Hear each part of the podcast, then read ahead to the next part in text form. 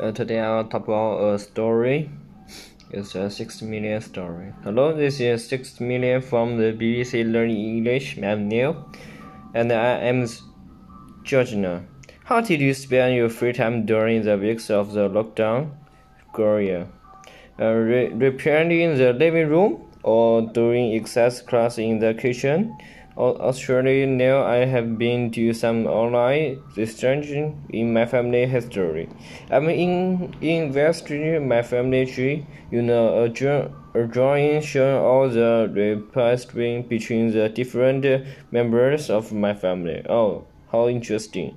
How and how a, interesting because the trees are subject of uh, this uh, program, and no family trees but real living in the forest trees. Well, now this might uh, surprise you, but according to some people, trees also have families. There are mother trees and uh, separate and have free children. Uh, child trees. That's right. According to the submarines, Sam Round, one of the world learning trees. Restrict chairs trees should be seven hours internet. Then community with each other, they help each other. And as you mentioned, Korea, they can even tell their family members so a tree can have its own own family tree. Amazing. Tell me more. Okay, Korea. That's the first. That's the first let me ask you a crazy question. That's the largest tree in the wood or forest are called mother trees, and they are in the biggest.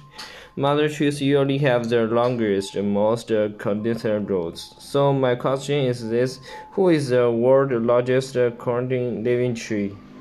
Uh, it's a pop tree, a god, a Gordian reward tree, or say square tree. Um, I have seen photos of the redwood trees in the California, and they are huge, so I will see a great redwood. Okay, Georgina, I have sure you only choose that because it's it's still one to a opponents, and it was be and we will find out the answer and in the end of the program. Now let's get back to the children other something aside. Here, big idea was wood wide web a way of uh, describing the network of uh, underground roots linking trees to other trees of the same family. Here is the su subject explaining more about the trees family to BBC, and uh, we found that uh, the parent trees would favor the sliding.